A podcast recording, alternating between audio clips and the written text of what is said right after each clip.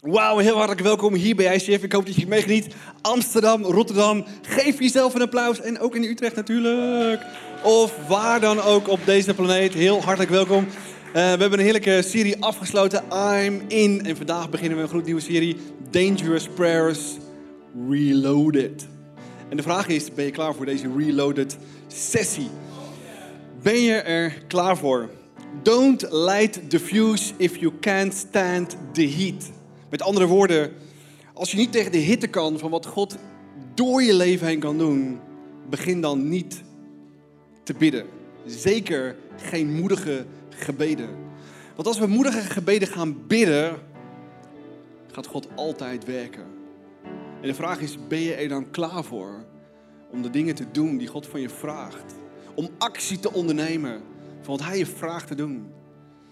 Soms taf, maar achteraf altijd bijzonder wat hij dan gaat doen. En wat God gaat doen, gaan we stap voor stap in deze message gaan we doornemen. Maar ik vraag je als eerste uh, je smartphone erbij te pakken, ook bij de locaties. En uh, de QR-code te scannen van uh, ja, Message Outline mag natuurlijk ook als je het nog niet eh, hebt. Uh, ja, scan de outline als eerste eventjes. Dan heb je gelijk je hele outline bij je. Opent de YouVersion app en dan kan je lekker genieten van alles wat er gebeurt. Eh, ik heb jullie hulp nodig, ook met een, uh, met een poll. We gaan een poll doen. En ik hoop dat je ready bent om uh, die poll te doen. We hebben een QR-code achter me. die kun je scannen en dan kun je stemmen op een vraag. Hoe moedig voel jij je? Ik weet niet of je jezelf moedig voelt of niet. misschien een beetje moedig. Of heel erg moedig of totaal niet moedig. Dus scan de QR-code en laat ons weten hoe ongelooflijk moedig jij bent. Of totaal niet, hè? Het is geen goed of fout kwestie vandaag. Ook niet Rotterdam, Amsterdam, Utrecht. Waar dan ook waar je zit. laten we gewoon even wat leuks doen en kijken wat daar dus uitkomt. Er gaan steeds meer mensen nu gaan stemmen. Ik heb nog zo een tweede vraag voor je, dus maak je daar ook alvast klaar voor. Dan gaan we stap voor stap kijken um, hoe cool dit allemaal is. Ja, ik geloof met heel mijn hart dat als je hier zit en of je je wel of niet moedig voelt, of je grote gebeden bidt of niet, dat we allemaal wel sterke gebeden willen hebben en willen doen. En ik geloof dat we allemaal wel bewust zijn dat als je bidt, dat je voor Gods troon staat, dat hij je hoort en dat hij gebeden wilt uh, laten uh, waarmaken. Maar toch vraag ik me heel erg af, wat houdt ons dan tegen om echt moedige gebeden te bidden? Wat houdt ons tegen om grootse gebeden te bidden waarvan je denkt, als ik dit zeg en als ik dit ga doen en als dit echt gaat gebeuren, dat je er zelfs een beetje bang van wordt. Wat houdt ons tegen in het hele verhaal? Laten we even teruggaan naar de poll. Er zijn ontzettend veel mensen die hier gestemd hebben. Eh, de meeste mensen vinden zichzelf een beetje moedig. Ik had het niet anders verwacht. Een beetje. We zijn toch een beetje Nederlanders. We gaan niet zeggen, ik ben heel erg moedig. Als het ook wel zijn. Uh, dus 58%, heel erg moedig. Dat zijn echt de diehard. Dat zijn 33%, echt de diehard. Zou ik vragen of ze mensen hun handel mogen willen steken die heel moedig zijn? Ja, kijk, ze dan nog moed hebben, weet je. Ja. Alright.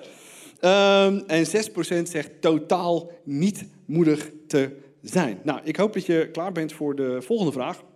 En de volgende vraag gaat over: zou je vaker moedig willen zijn? Zou je vaker moedig willen zijn? Nou, ik denk dat we allemaal wel vaker moedig willen zijn. Laat me je antwoord weten, zodat we kunnen zien hoe ontzettend chill uh, dat is en of je echt wel de guts en de ballen hebt om iets bijzonders te doen in het leven. Heb je hem? Heb je de vraag? Gaat goed? Ja, jullie willen nog een keer scannen. Het is eigenlijk dezelfde. Het is dezelfde. Je hoeft niet opnieuw te scannen. Je gewoon, hij wordt automatisch komt hij op een nieuwe vraag te staan. Dus automatisch komt hij op een nieuwe vraag te staan. Ja. Oké. Um, we komen zo terug op het antwoord. Um, nou, ik geloof dus met heel mijn hart dat we dus soms eigenlijk gewoon niet weten hoe we moeten bidden. Hoe we moedig moeten bidden. Hoe we echt dingen kunnen zeggen. Welk woordgebruik. Daar, daar struikelen we vaak over. En wat we vaak ook over struikelen is dat als we anderen horen bidden, dan denk je, oh mijn hemel. Wel eens meegemaakt? Van die, van die gebedsmachines. Gebedsmachines. Dat je denkt, oh, je wordt, je wordt hè, dus, hè, dus als zo'n persoon dan aan het bidden is, dan heb jij zoiets, nou weet je wat, laat eerst maar een ander gaan, hè, die dan iets minder hard bidt, en dat jij er dan achteraan kan, zodat het nog ietsje minder wordt. Heb je dat eens meegemaakt? Ja, ik heb dat wel eens meegemaakt. Dat je denkt, oh daar ga ik echt niet gelijk achter, want dan zie je zo ongelooflijk groot het verschil uh, wat er allemaal gebeurt. Hey, laten we teruggaan weer naar de poll. En kijken wat daar uit vandaan gekomen is en hoe jullie gestemd hebben. Zou je vaker moedig willen zijn, was de vraag. Ja, ik zou vaker moedig willen zijn, zegt 80% van de mensen. Nee, ik ben moedig genoeg. Zo, nee, ik ben moedig genoeg. Dat zijn de, wauw, ja, ja, ja, ja. Ik ga het weer niet vragen wie dat zijn, maar... Um, ik vind mijzelf overmoedig. Overmoedig, ja, dat kan natuurlijk ook nog. Uh, 5%. Nou, dus ik denk dus allemaal dat we inderdaad, zoals deze poll ook laat zien, veel moediger zouden willen zijn.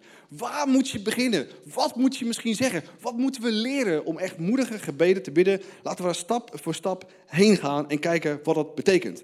Nou, nogmaals, je staat soms wel eens in zo'n kringetje of een smallgroep of een team of bij ICF aan het begin van de ochtend te bidden. En dan begint er echt zo'n zo'n gebedsmachine. Ik van, oh mijn hemel. er komen echt hele bijbelversen voorbij. voorbij. Bijvoorbeeld, ja, Jezus in Jezaja hoofdstuk 54 staat. In die tijd zal geen enkel wapen tegen u worden opgegeven. Succes hebben en elke leugen in de rechtszaal tegen u worden gebracht. En die zullen kunnen weerleggen. En dat de erfenis van uw dienaars van de Heer, die is de zegen die u ik u heb gegeven. Halleluja, amen, halleluja. Bam, bam, bam, bam, bam, bam, bam, bam. Dat je bijna denkt dat je ervoor betaald krijgt als je dit soort gebeden gaat bidden. Dat je een soort met van punten gaat scoren boven of zo. Dat je, dat je, dat elke keer als je dat zegt, wauw, woe, en nog heftiger en nog mooier. Ding, ding, ding, ding, ching, ching, ching, ching, ching. Nog meer punten erbij. Sommige mensen zijn zo heftig. Um, ik voel me soms daar een beetje een loser bij, bij dat soort mensen. Dat je denkt, ja, wat moet je nou zeggen? Of ja, als ik dan dit ga bidden, is dat niet arrogant of zo? Of uh, ja, uh, ja, als ik het bid, dan moet ik het misschien ook wel gaan doen. Ken je dat soort gedachten en gevoelens? Ik denk dat we het allemaal wel hebben. Ik denk dat we allemaal wel ergens weten, ja, hoe moet je dat nou doen en waar moet ik beginnen? En ik denk tegelijkertijd, ook als het om gebed gaat, dat we soms op safe willen spelen.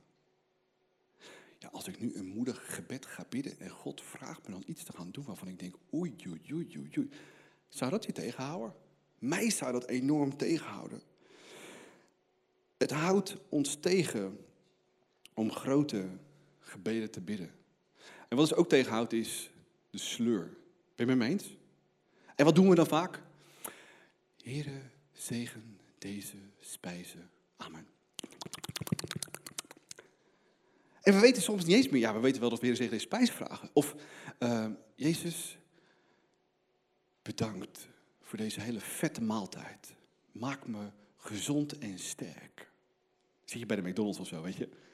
Het zijn natuurlijk hele gekke dingen. Maak me gezond en sterk en we zitten bij de McDonald's. Dat kan natuurlijk niet. En soms is er zo de sleur ingekomen van wat we aan het doen zijn, zodat we eigenlijk niet eens meer weten wat voor gebeden we aan het bidden zijn. En soms vraag ik me af wat, wat God dan denkt als we dat soort gebeden bidden. Ik, ik denk vaak dat, dat, dat als ik bid, uh, dat God dan denkt, zo, zo, ja, nou, ja, God, ja, ja, je hebt, ja, als je zo blijft bidden, heb je me inderdaad ook echt niet nodig. Dan kan je het gewoon net zo goed zelf doen. Toch? Of dat God zegt, ja, oh ja, nu begint hij een beetje warm te lopen. Oh, en nou stopt hij ermee. Ja, ik wil net in gaan springen en ik wil net gaan zeggen. En dus, ja, nee, ja, Jezus, ik doe het zelf wel. Bedankt dat hij er ook bent. Of dat God boven zit en die denkt van, oh ja, nu gaat hij echt dingen vragen, hij heeft me echt nodig. Oh, toch niet. Ik geloof dat God echt wacht op ons, dat we gebeden bidden die hem echt beroeren, die hem echt raken, die hem echt raken in zijn God zijn ook. Ja, inderdaad, daar heb je mij voor nodig, want dat kan je zelf niet. Laten we stap voor stap gaan kijken vandaag en komende weken wat er voor nodig is om echt sterke gebeden te bidden. En vandaag is het thema, het thema, maak mij moedig. Is dat een moedig gebed? Dat is een enorm moedig gebed. En laten we stap voor stap kijken naar een bijzonder verhaal van Petrus en Johannes, die echt iets bijzonders doen. Jezus, Johannes en Petrus spraken vol vuur over wie Jezus was. Dat het hun buddy was geweest, hun vriend was geweest. Dat hij grote wonderen deed en dat hij nog steeds grote wonderen deed. En op ergens komen ze een man tegen die al 40 jaar verlamd is. En zij bidden dat deze man genezen wordt. En wat gebeurt er dan? Hij wordt genezen. Kun je je voorstellen dat als je dan zo moedig gebed zou bidden, dat het dan werkelijk gebeurt. En dat gebeurde hier. De gevolgen van die actie waren niet te overzien voor hun twee. En dit is zo interessant dat we daar meer van willen leren als het gaat om gebed. Want er was een probleem. een groot probleem. Niet het probleem dat die man genezen was, maar waardoor deze man genezen was. Waren, was deze man genezen door Peter en Johannes? Nee. Ze baden alleen voor hem. Wie is de enige die kan genezen? Jezus zelf. En daar zat het issue. Wat was het issue? Dit was het issue. Ze werden door de Sadduceeën op het matje geroepen. En de kapitein van de tempel. Om eventjes uit te leggen wat ze hier nou precies aan het doen waren. Had er niet zomaar bidden voor een man. Ik had er zeker niet bidden voor een man dat hij geneest. Ik kan toch zeker niet bidden voor een man dat Jezus hem geneest. Jezus is dood. We hebben hem gekruisigd. We hebben hem begraven. Jezus is niet meer. Zeker nog. Wat, dat was, wat was het grootste discussiepunt tussen Sadduceeën en Fariseeën? Weet u het nog? De Sadduceeën waren met alles wat ze waren en alles wat ze dachten overtuigd dat niets en niemand kon opstaan uit de dood. Is grappig, hè? Dit is heel grappig. Dit is ook al. En dan komen daar Petrus en Johannes met een bizar verhaal dat er een man genezen is en dat Jezus hem genezen heeft probleem. Groot probleem. Want die Sadduceërs, die wisten 100.000% zeker, niemand staat op uit de dood. En die Jezus met zijn movement, die hebben we gekild, gedood, in de kop ingedrukt. En we zullen alles en iedereen, die laatste strohampjes die daar nog voor gaan staan, zeker ook de kop in gaan drukken. En dan gebeurt het volgende. Dan vragen ze aan Johannes en Petrus, uit welke naam, uit welke persoon, namens wie handelen jullie? Komt ie. Nu, wat ik u, Petrus Johannes zeggen dit, en het hele volk van Israël moet zeggen, klinkt al een beetje moedig hè, alleen al hoe die hier staat qua houding, is dit. Dat deze man hier gezond voor u staat, komt door de machtige naam van Jezus! Woo! Amazing! Uit Nazareth, die door u die door u, zou die zeggen, kruisig werd. Zeg eens eventjes, gewoon omdat het kan. Ja, gewoon omdat het kan. Maar door God weer is, kun je de woede voelen, tandenknarsen horen van die Sadduceeër. Die worden echt helemaal akelig hier. En ik kan me zo voorstellen dat ze zo boos zijn dat alles in ze neigt om deze mannenkopje kleiner te maken. En dat is wat ze ook eigenlijk meekregen. Dit kan echt niet. En toch zeiden ze het. En als je dat zegt, verklaar je eigenlijk de oorlog met de overheid. Is moedig? Ik, ik hoor nog steeds niet dat jullie het moedig vinden. Is dit moedig wat Peter en Johannes aan het doen zijn? Dat je zo je mond op denkt, En je denkt, ah, wil ik ook wel geloven. Dat is wat ze hier doen. En dan zeggen ze, de Joodse leiders, die zeggen dan het volgende. De Joodse leiders waren verbaasd dat Petrus en Johannes zich zo vrijmoedig verdedigden. Hoewel zij toch mensen zonder opleiding waren. Wie je ook bent, waar je ook vandaan komt. Als je min denkt van jezelf, met God heb je alles. Met Gods Heilige Geest ben je krachtig genoeg om de meest idiote dingen te doen waar je misschien van droomt, maar er niet aan toe komt. In het Griek staat, niet geschoold, achterlijk. Ze doen er niet toe. Dat is eigenlijk de strekking van het hele van. Deze mannen, die zijn echt waardeloos, nutteloos, akelig. Niemand heeft, hebben ze wat te vertellen. En niemand gaat ze geloven. En toch is het een probleem. Want het probleem is dat er een man genezen is die al 40 jaar lam was. En dat er nu gezegd wordt dat Jezus niet dood is. Je voelt de spanning, je voelt waar het heen gaat. Je, je vraagt je het is bijna een hele spannende film, hè, dit. Ja, op Netflix moet hij eigenlijk uit gewoon komen. En dan krijgt ze een dreigement.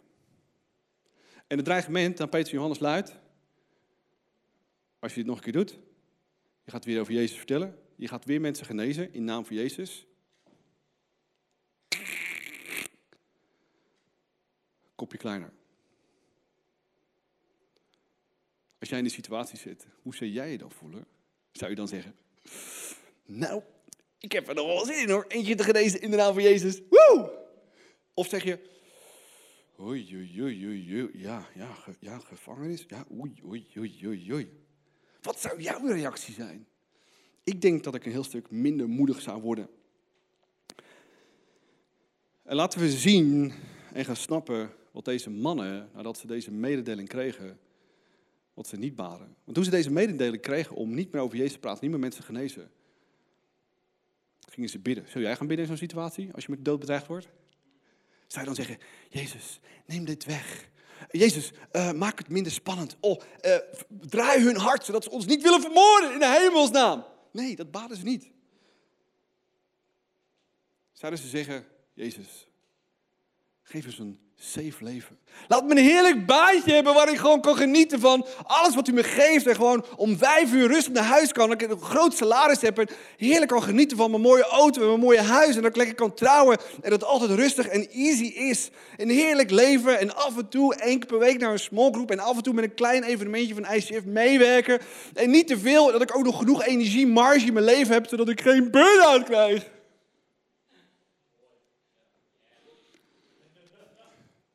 Zouden ze dat gebeden hebben? Ik denk niet. Nee, ze baden het niet. Waarom baden ze dat niet? Omdat ze wisten wie hun Jezus was. Petrus, Johannes en Kobus waren de drie beste vrienden van Jezus. In het begin wisten ze niet wie hij was, waar hij toe in staat was. Maar na drie jaren, dag en nacht met Jezus opgetrokken te hebben, wisten ze wel beter ik denk dat dat vaak ook ons issue is. Dat we te weinig met Jezus optrekken. Dat we te weinig vragen om dingen te doen in ons leven. Omdat we het geloof simpelweg niet hebben, komen we zo nog op.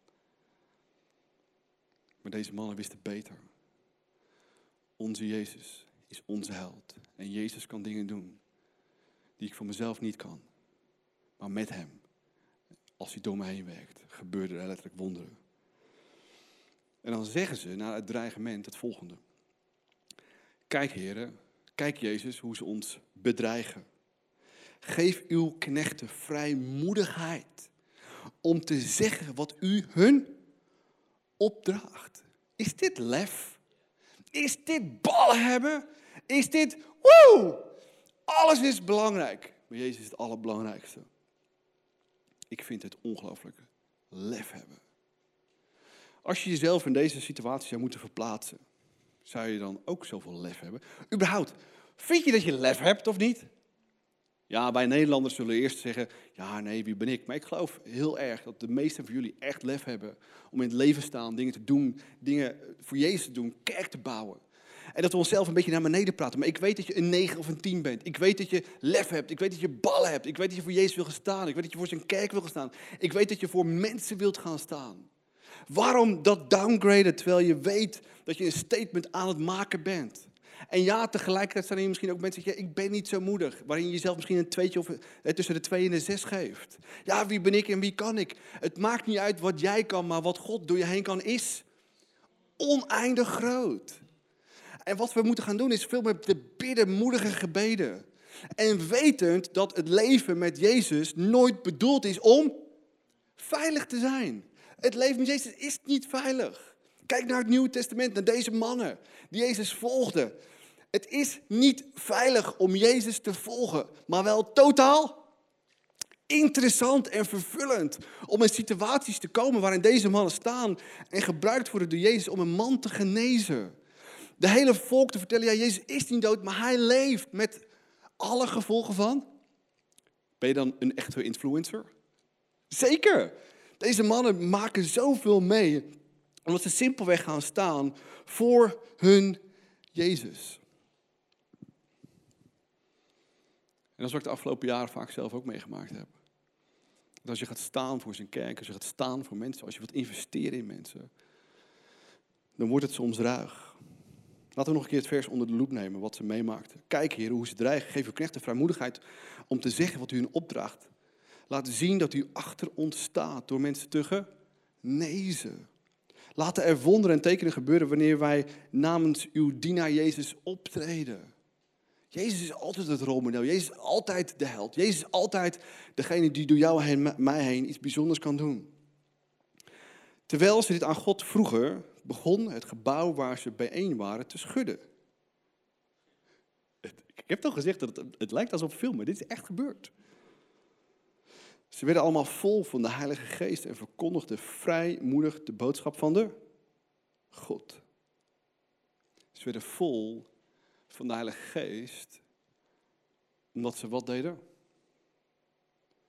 Ze baden, maak mij moedig om te doen en te zeggen wat u wilt dat we zeggen. Is dit ontzettend moedig om te doen in zo'n situatie? Ook al weet je dat je misschien wel het leven gaat kosten, ook al weet je dat je misschien in de gevangenis gezet wordt. En dat is precies wat er gebeurde. Ze werden in die gevangenis gezet. En soms denk ik ook, ja maar Ari, kan je nou echt wel dit soort gebeden bidden? Durf je nou echt wel zo bold te zijn in de naam van Jezus? En ik soms denk, ja, ik durf het wel, maar het ook echt te doen. Oei, oei, oei, oei, oei, oei, oei, oei, oei.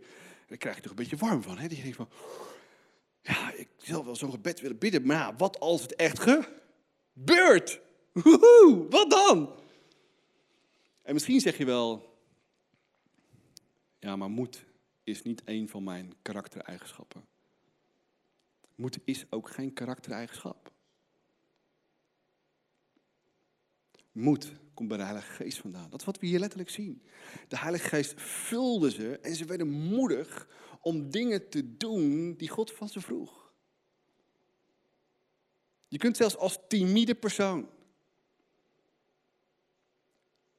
je te vullen met de Heilige Geest. En als de Heilige Geest in je komt, moet hij er dan uit?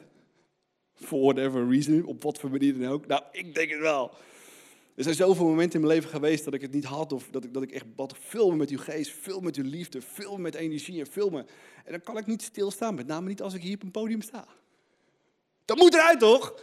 Dat je vergeven bent, dat God van je houdt, dat hij door je heen dingen aan het doen is. Dat moet eruit, op wat voor manier dan ook. En misschien zeg je, maar ik, zo voel ik het niet altijd. Waarom voelen we het niet altijd? Omdat we te simpele gebeden aan het bidden zijn. Heere, zegen deze spijs aan Wilt u morgen bij me zijn? Wilt u me helpen? En Jezus denkt nog steeds, ja, maar waarmee dan?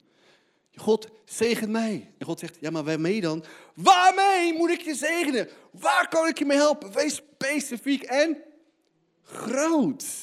Dan maakt hij ze los. Wie heeft wel eens het gevoel dat gebeden een beetje stroef lopen? Ja? Oké. Oké, laten we kijken waardoor dat komt. Ik heb een mooi voorbeeld meegenomen. Water gaat niet zomaar uit een fles. Hoe komt dat? Ja, omdat als je hem omkiept, dan trekt hij eigenlijk aan de bovenkant vacuüm, toch? Ja, laat ik het voordoen. Dus ik leg hem één keer op en dan... Dus het water heeft enorm veel moeite om eruit te komen, omdat de bovenkant hier vacuüm wil trekken. Dus het water wil er eigenlijk in blijven. En dat is soms bij ons precies hetzelfde. dat onze gebeden, dat het gevoel dat ze niet doorkomen, dat, dat, dat, je, dat, dat je niet doorkomt. Dat je, waarom, waarom gebeurt er niks? Omdat we te simpel en te klein bidden.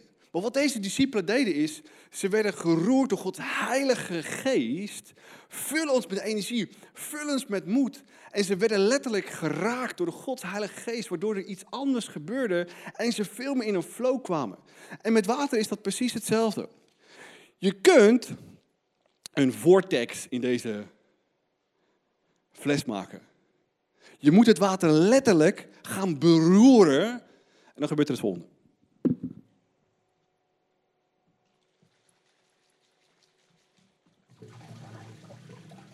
En die vortex die ontstaat hier. De vortex die ontstaat is dat er een tunnel komt van daar naar hier. Waardoor er geen vacuüm meer is en het water kan zo weglopen. En als je ervaart dat je gebeden moeilijk zijn of lastig zijn, laten we eerst vragen om geroerd te worden. En moedige gebeden te bidden die Gods hart echt raken, zodat je terug de werking krijgt waarvan God zegt. En now we're talking business. Nu zijn we dingen aan het vragen die me echt mijn hart bewegen. En nu zeg je dingen die echt, waardoor ik in beweging wil en ga komen. Laten we kijken naar een aantal korte gedachten. Eerst dit vers, handelingen. Ze lieten de apostelen oppakken omdat ze doorgingen. En in de gevangenis gooien. Maar diezelfde nacht maakte een engel van de Heer de gevangenisdeuren open en brachten de apostelen naar buiten. Ga naar de tempel, zei hij, en vertel de mensen alles over het nieuwe leven samen met Jezus. Dus jij zit alleen in die gevangenis. Je denkt, oh, wat gaat er gebeuren? Worden we vrijgelaten? Worden we voor de rechtbank komen? Worden we uiteindelijk toch opgehangen? Worden we doodgemaakt? Worden we gegezeld? Wat gaan ze met ons doen? Zou jij dit dan doen? Zou je het verwachten dat God de deur zou openen? Zou je verwachten dat God in actie komt? Deze mannen verwachten dat God in actie zouden komen. En wat we moeten snappen is het volgende. Laten we naar de eerste gedachte krijgen. Moed triggert geestelijke strijd. Ze lieten de apostelen oppakken en in de gevangenis gooien. Nou, waarom lieten ze, werden ze in de gevangenis gegooid? Omdat ze de moed hadden om moedig te bidden. Omdat ze de moed hadden om datgene wat God zei, ga erop uit, ga weer over me vertellen. Werden ze opgepakt. Als je moedige dingen gaat doen, als je moedige gebeden gaat bidden, verwacht een geestelijke strijd. Het leven samen met Jezus is nooit veilig bedoeld. Het leven met Jezus is nooit veilig bedoeld en zal het ook nooit zijn. Misschien zeg je, maar wat is dan de lol van Jezus volgen? Toch? Het volgende.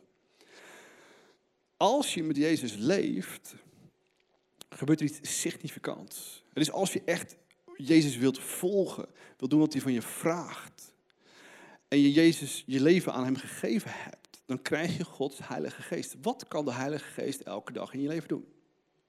Hé, hey, Ari, je moet niet die keus maken, maar die keus. Je moet niet die afslag nemen, maar die afslag. Je moet niet die opleiding, maar die opleiding.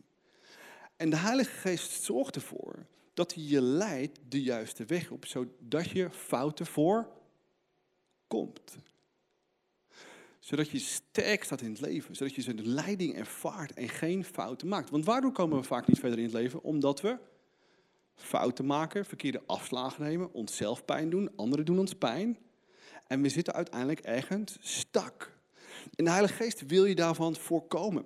Gods woord, als je Gods woord leest en ook echt gewicht aanhangt door die dingen te doen, eeuwigdurende principes, zorgt ervoor dat als je dat doet, dat je sterk wordt, dat je krachtig wordt in het leven, dat je echt vrij bent om wat te doen. Ja, net zoals Petrus en Johannes. Om te doen wat God door je heen wil doen. En zij hebben ook moeten leren wat Gods woord was. Om zijn stem te verstaan van hun Jezus en hun Heilige Geest. Zodat ze vrijkwamen van pijn van het verleden, van schaamte, van ellende, van andere zaken. Zodat ze sterk stonden in het leven door echt maximaal door God gebruikt te kunnen worden. Het gaat altijd om eeuwigdurende principes. Als je een echte dynamiet zou hebben en je zou hem 4000 jaar geleden afsteken, zou die dan ontploffen? Ja, tuurlijk, dynamiet is dynamiet. Als je nu 4000, 4000 jaar later diezelfde uh, dynamiet neemt en je steekt hem aan, zou die dan ontploffen? Waarom ontploft hij? Omdat het een eeuwigdurend principe is.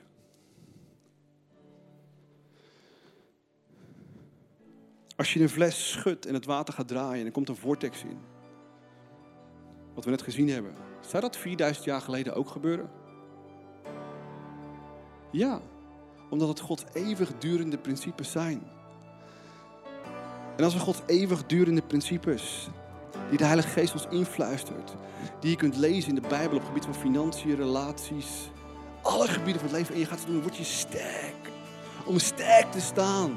Zodat God je echt kan gebruiken om bijzondere dingen te doen in het leven.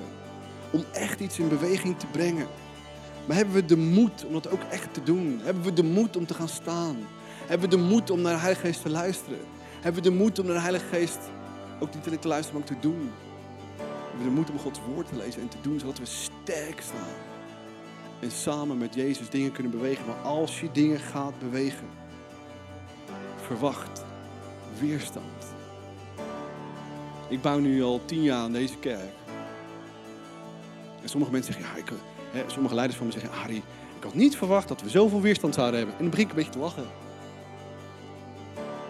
Natuurlijk is er weerstand.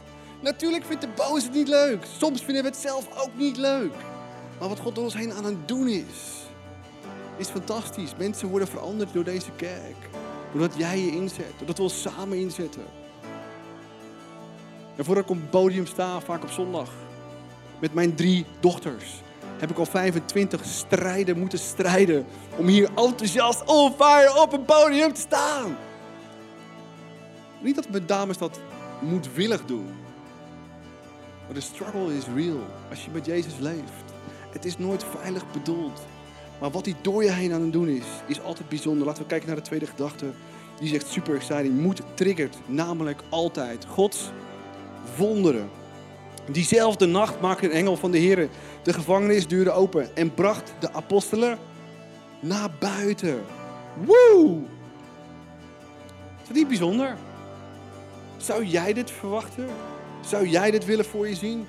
Durf je te geloven als jij in een moeilijke situatie zit dat God een engel stuurt met twee grote zwaarden, zo groot als Tesla's, en een engel van drie meter hoog met brandende ogen die om je heen gaat staan en waarin je zijn warmte voelt, waarin hij je beschermt. Durf je dat te geloven? Ik durf het te geloven en ik spreek het ook uit als mijn dochters. Soms moeilijk hebben. Dat ze bang zijn de nacht in te gaan. Of dat ze een moeilijke dag hebben gehad. Of bang zijn voor wat er die nacht gaat gebeuren, ook al gebeurt er helemaal niks. Het is een houding. En die moeten we snappen. Laten we naar de laatste gedachte kijken. Voor moed is altijd geloof nodig. Als je moedig wilt zijn, hebben we geloof nodig om de dingen te doen die God van ons vraagt. Ga naar de tempel, zei hij. En vertel de mensen over het nieuwe leven. Ze deden wat hun gezegd was en gingen s'morgens vroeg alweer naar de tempel om de mensen te onderwijzen, niet wetend hoe de Sadduceeën, Fariseërs of het Sanhedrin überhaupt al, de geestelijke religieuze rechtbank, zou reageren op wat ze aan het doen waren. Maar deze mannen wisten, wat God mij vraagt te doen is altijd belangrijker dan wat mensen ervan vinden. En vaak laten we ons tegenhouden wat mensen ervan vinden, wat ouders ervan vinden, wat vader en moeders ervan vinden. En ik heb ook moeten genezen van dat perspectief, wat mensen ervan vinden. Toen deze kerk startte. Wie start er nou een kerk in deze tijd? Niemand komt! I don't care, God vraagt me dit te gaan doen. Ik ben gehoorzaam. En nu zijn dezezelfde mensen jaloers. Harry, ja, ik zou ook wel in zo'n kerk willen zijn. Ik zou ook wel zo'n kerk willen leiden. Moed is er voor nodig. En geloof om moedig te zijn. Als je naar Petrus en Johannes kijkt, hoe het met hun leven afgelopen is, dan is dat heel bijzonder. Theologen en historici hebben uitgedokterd om te kijken wat er met deze mannen, wat er van ze terechtgekomen is. Johannes werd uiteindelijk gearresteerd en men had een waanzinnige methode bedacht, waren ze heel erg goed in in die tijd, om olie te koken en daar mensen in te dopen. Dat hebben ze bij Johannes ook gebeurd. Hij had moeten overlijden, maar hij overlijden niet. Voor wat voor reden dan ook. En uit ellende hebben ze hem naar het eiland Patmos gestuurd, zodat hij met niemand meer in contact kon komen.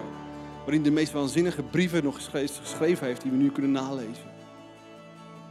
Petrus, weten we, is gevangen genomen, gemarteld in Rome. Uiteindelijk gekruisigd. En hij zei tegen de mensen, laat me niet kruisigen zoals Jezus. Kruisig mij maar ondersteboven. Ik wil niet dezelfde manier lijden als mijn Jezus.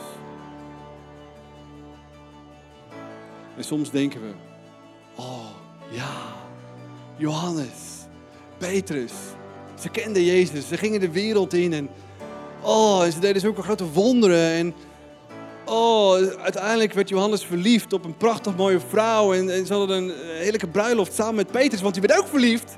En, dan gingen ze samen een bruiloft vieren en en toen kregen ze een groot cadeau van echt meters lang. En ze deden het cadeau open. Daar liggen twee grote, zware, zo groot als Tesla's met een kaartje erbij. Je weet wel van wie je dit gekregen hebt. En ze gingen op, op, op, op huwelijksreis. En de ene ging naar de Bahama's, en de ander ging naar Curaçao. En, En ze genoten heerlijk van een tijd met God samen, s ochtends als vrouw en als man. En, ze leefden nog lang en gelukkig en ze hadden een heerlijke tijd. En, ze gingen terug naar een huwelijksreis en ze gingen alle twee de marketing in. En ze verkochten bekers met Halleluja, Jesus loves you. En eh, ze, gingen, ze gingen allemaal marketing nog beter worden. En, en ze groeiden en ze werden sterker en ze werden rijker. Woe, amazing! Applaus voor Petrus en Johannes. Woehoe! En we weten allemaal dat het niet zo was. En misschien zeg je, ja, maar nu maak je me een beetje scary. Nou, gelukkig hebben we hier in Europa niet meer de methodes van destijds. Maar Jezus volgen is nooit veilig bedoeld. Zorg dat je sterk bent. Zorg dat je de Heilige Geest luistert. Zorg dat je zijn woord leest en die eeuwig duurt in principe in je leven marineert, zodat je sterk staat. Maar zodra je moedige gebeden gaat bidden, gaat God je vullen met zijn Heilige Geest. En zegt hij, ga links, ga rechts. En zul je moedige dingen gaan doen. Misschien gaan staan op je werk. Hey guys, wat we hier zeggen, so goes it not. Of je zit op je studie en er worden dingen gezegd over een bepaald persoon waarvan je zegt, so goes it not. of waar je op je werk bent en tegen iemand zegt, uh, hey guys, uh, ik, waarom struggle je zo? Waarom zou je niet meer meegaan naar chef aanstaande zondag? Heb je daar moed voor nodig? Jazeker. Waarom niet zeggen, hey guys, ik ga een watch party starten op Facebook. En ik ga daar mensen voor uitnodigen. Heb je daar moed voor nodig? Daar heb je moed voor nodig. Maar laten we niet kijken wat er nodig is en voor ellende en voor moeilijkheden komen in dat proces. Maar wat eruit komt. Petrus en Johannes hebben letterlijk mensen bewogen, de wereld bewogen voor hun tijd, voor hun Jezus. En Jezus wil nog steeds precies hetzelfde doen door jou heen. Maar de vraag is, ben je er klaar voor? Durf je moedig te bidden? Durf je moedig te bidden, zodat God echt bergen gaat verzetten? Durf je zo uitgesproken te bidden, Jezus, ik wil dat u dit doet, zodat er dat gaat gebeuren. Wilt u me helpen om die persoon uit te nodigen voor kerk? Zodat ze ergens u leren kennen. Zodat hij genezen wordt van de pijn en het verdriet wat hij nu heeft meegemaakt. Durven we dat te bidden? Hier in Leiden, Rotterdam en Amsterdam, Utrecht, waar je ook zit. Wat nou als we elke dag om 12 uur zouden bidden? Jezus, geef mij moed. En je dan om je heen gaat kijken. Wat jij kunt bewegen met jouw moed en jouw Jezus. Wat zou er gebeuren? Wat zou er gebeuren als we zo moedig zijn? Ik wil je uitdagen om 12 uur de komende drie weken in je agenda te zetten met een alarm. Maak mij moedig. Maak mij moedig. Zullen we het met z'n allen zeggen? Maak mij moedig. Maak mij moedig. God wil echt iets door je heen doen. Maar laten we echt zijn hart beroeren. Moedige gebeden bidden. Dat is wat hij zegt. En nu gaan we ervoor. Zullen we samen bidden? Eerst dank wel voor uw bent. Dank wel voor uw liefde, voor uw trouw. Dank wel voor Petrus en Johannes, twee grote vrienden van u. Die hebben u moeten leren kennen wie u was en waar u toen in staat was. Maar toen ze wisten wie u werkelijk was, hadden ze alle moed van de wereld om u om moed te vragen. En Heilige Geest, dank u wel dat u ze vulde met energie en moed. En hier, nu, vandaag vragen wij, vul ons met moed.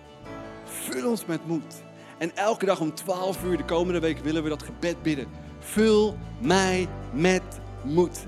Vul mij met moed.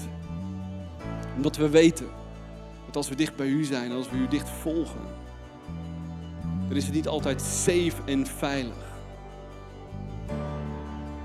Maar weten we wel dat we een vervullend leven hebben. Dat we dicht bij u leven. Dat we uw Heilige Geest horen spreken elke dag weer. Dat we soms misschien bang zijn om dingen te doen die van ons vraagt, maar van we weten dat als we ze wel doen, we echt een verschil maken in deze wereld.